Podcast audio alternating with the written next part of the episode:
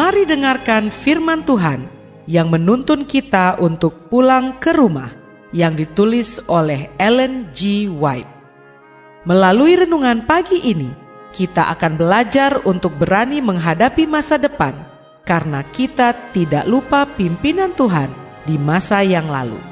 Bersama Pendeta Andre Daimbani, selamat mendengarkan. Shalom, selamat pagi saudaraku. Renungan pagi kita hari ini 30 April berjudul Akhirnya posisi di atas para malaikat. Ayat intinya diambil dari Wahyu 3 ayat 21. Demikian firman Tuhan. Barang siapa menang, ia akan kududukkan bersama-sama dengan aku di atas tahtaku sebagaimana aku pun telah menang dan duduk bersama-sama dengan Bapakku di atas tahtanya. Mari kita dengarkan penjelasannya. Untuk sukacita yang ditetapkan di hadapannya, Kristus menanggung salib, terhina dengan rasa malu, dan selamanya ditetapkan di sebelah kanan Allah. Dia mati di kayu salib sebagai pengorbanan bagi dunia, dan melalui pengorbanan ini datang berkat terbesar yang dapat Allah berikan, karunia Roh Kudus. Berkat ini untuk semua yang akan menerima Kristus. Dunia yang jatuh adalah medan perang untuk konflik terbesar yang pernah disaksikan oleh alam semesta surgawi dan kekuatan duniawi ditunjuk sebagai teater yang akan diperangi perjuangan besar antara yang baik dan yang jahat, antara surga dan neraka.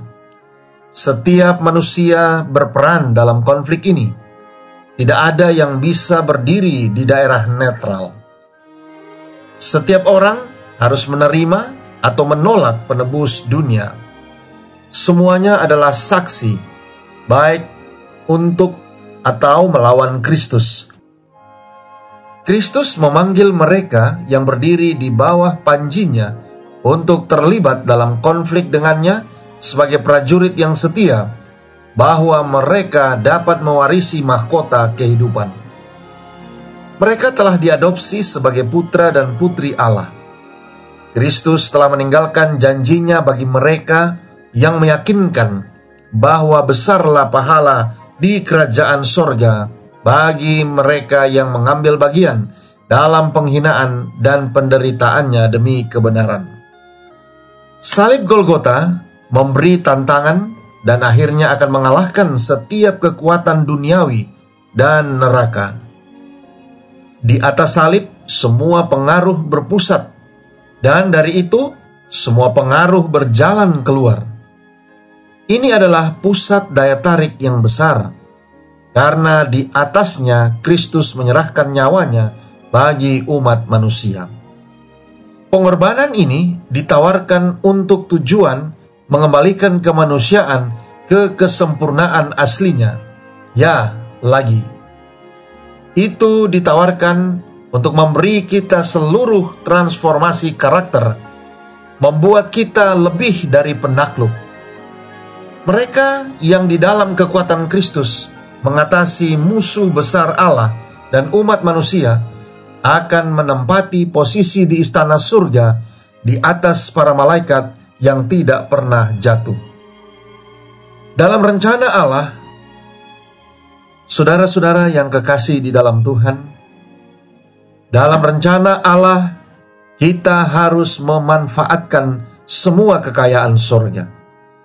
Tidak ada apa pun dalam perbendaharaan sumber daya ilahi yang dianggap terlalu mahal untuk menyertai karunia besar dari anak Allah yang tunggal.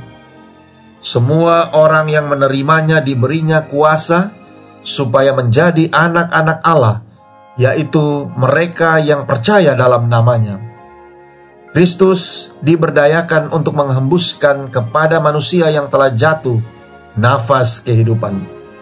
Mereka yang menerima Dia tidak akan pernah lapar, tidak pernah haus, karena tidak ada kesukaan yang lebih besar daripada di dalam Kristus. General Conference Bulletin kuartal kedua tahun 1899 halaman 33. Doa kita hari ini. Bapa terima kasih melalui renungan pagi ini bahkan sepanjang satu bulan ini kami boleh membahas bagaimana rahasia kemenangan dalam Kristus.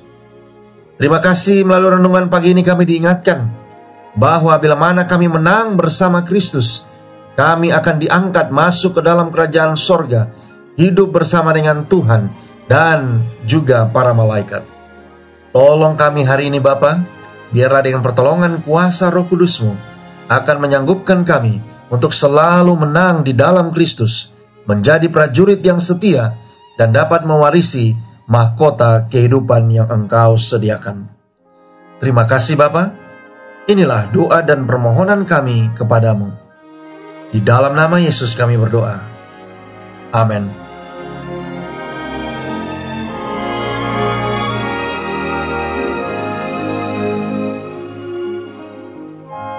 Demikianlah tadi pembahasan tentang pulang ke rumah. Semoga firman Tuhan hari ini dapat menjadi berkat bagi Anda. Sampai jumpa, Tuhan memberkati.